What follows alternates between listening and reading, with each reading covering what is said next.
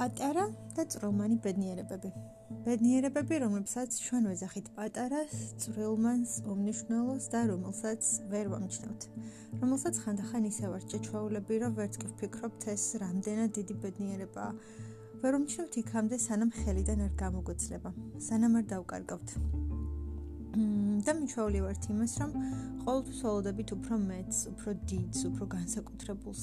ველოდებით რაღაც ძალიან მნიშვნელოვანს, რაღაც ძალიან გრანდიოზულს და მის მოლოდინში ვერაფერს ვერ ვამჩნევთ იმას, რაც ჩვენს წინ არის რეალურად, რაც გვაქვს აა რეალურად რაც გაგვაჩნია და რაც ჩვენს ყოველდღიურობას შეადგენს. ძალიან პატარა და ძალიან წვრილმანი ბედნიერებები.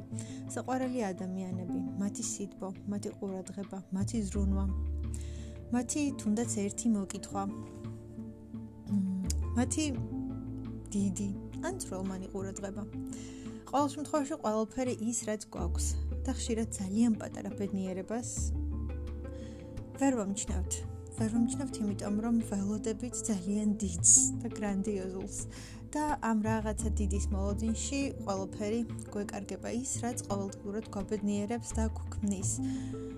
აა თუ დავფიქრდებით რამდენად დიდი ბედნიერებაა ჩვენთვის საყვარელი ადამიანების ჩვენ ცხოვრებაში ყოფნა, ჩვენ გვერდით ყოფნა, აუცილებლად მივხვდებით და გავიაზრებთ ეს რამდენად ძვირფასია.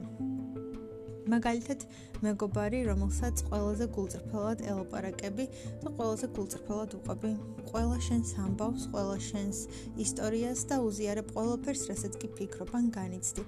და ნებისმიერ წამს, ნებისმიერ წუთს, როცა კი რაიმეს თქმა გინდა, რაიმეს მოყოლა გჭირდება, ურეკავ მას, მიდიხარ მასთან და ის ყოველთვის მზად არის, რომ მოგისმინოს, დაგეხმაროს, რაიმე გითხრას, გირჩიოს, ხარში დაგიდგეს და ყოველ შემთხვევაში ძალიან გულთბილად და ყურადღებით მოგისმინოს. და თუ წარმოვიდგენთ, რომ აი ეს ადამიანი ერთ დღესაც ჩვენი ცხოვრებიდან გაქრა და აღარავინ აღარ გვყავს ისეთი, ვისაც ასე დაველოპარაკებით, ვისაც ასე გადავუშლით გულს, ვისაც ასე მოვუყვებით ყველაფერს, ვისაც გავუზრიარებთ ჩვენს გრძნობებს, განცდებს, ტკივილს, სიხარულს, ბედნიერებას, რაღაც ახალ ამბავს, ახალ მოვლენას, ჩვენს ემოციებს, ჩვენს განცდებს, რაღაცის მიერ გამოწვეულ ემოციას, რომელიც მთელი დღის მანძილზე და ყოველ დღე გროვდება და რაღაცები რაღაცებს ქმნიან და შესაბამისად ჩვენ ამ ყოველფრის გაზიარება გვინდა.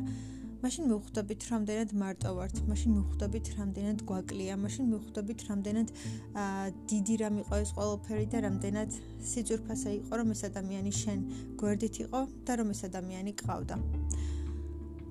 და აი ესეთი პატარა წრომანები, ძალიან პატარა ბედნიერებები ხშირ შემთხვევაში გვეპარება, იმიტომ რომ ველოდებით რაღაც მართლაც ძალიან დიდს და თუ არ იქნება ის დიდი, მაშინ ეს ყველაფერიც არ გვინდა, ან ვერ ვხედავთ, ან ვერ ვამჩნევთ და შესაბამისად ძალიან ბევრ რამეს ვტოვებთ.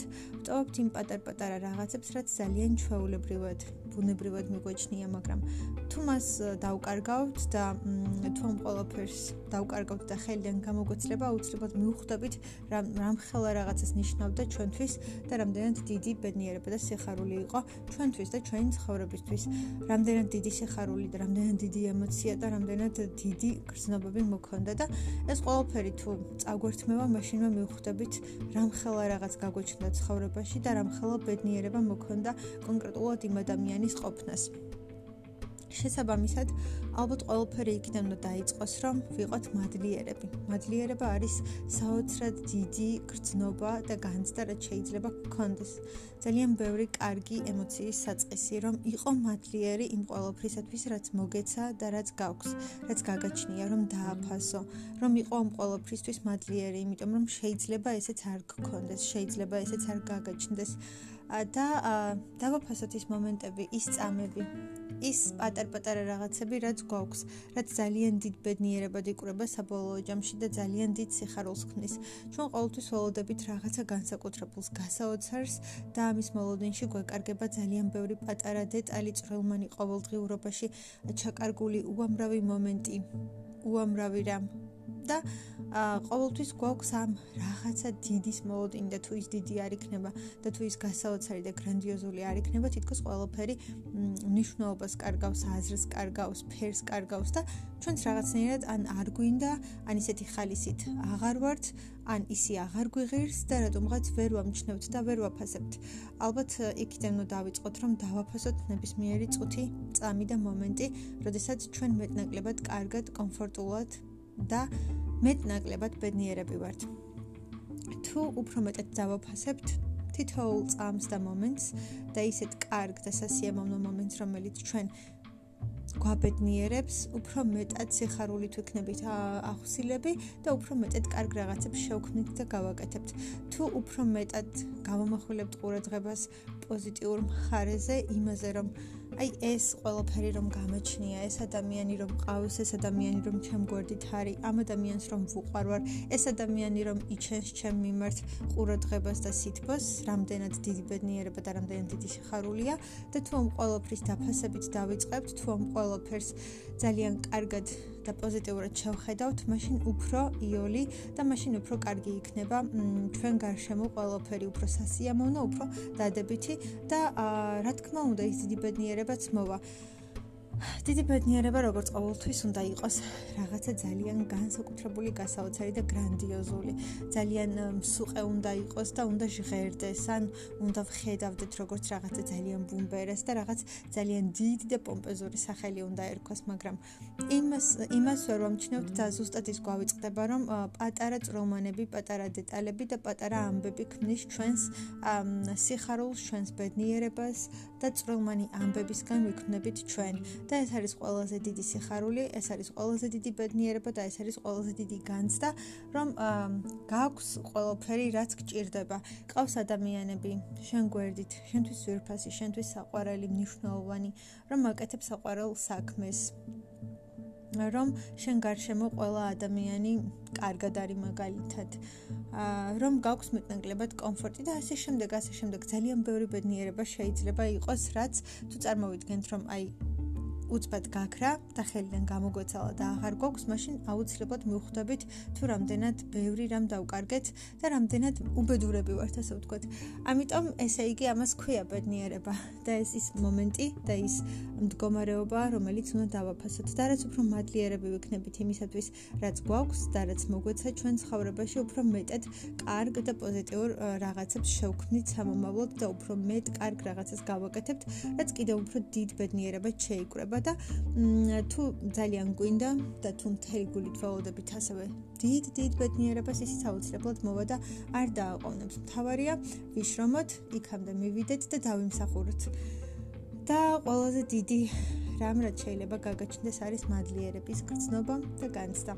რომ მადლიერი ხარ იმ ყოველფრისთვის, რაც მოგეცა. თუმცა ეს არ ნიშნავს იმას, რომ არ გქონდეს სურვილი და არ გქონდეს ამბიცია, მიიღო უფრო მეტი და მიაღწია უფრო მეტს. ამიტომ ყოველფერი ჩვენს ხელშია. უბრალოდ თავარია დავინახოთ, რამდენად ბედნიერები ვართ, რამდენად ბედნიერები ვართ და რამდენად პატარ-პატარა წრომანებში არის გაფანტული ჩვენი ბედნიერება.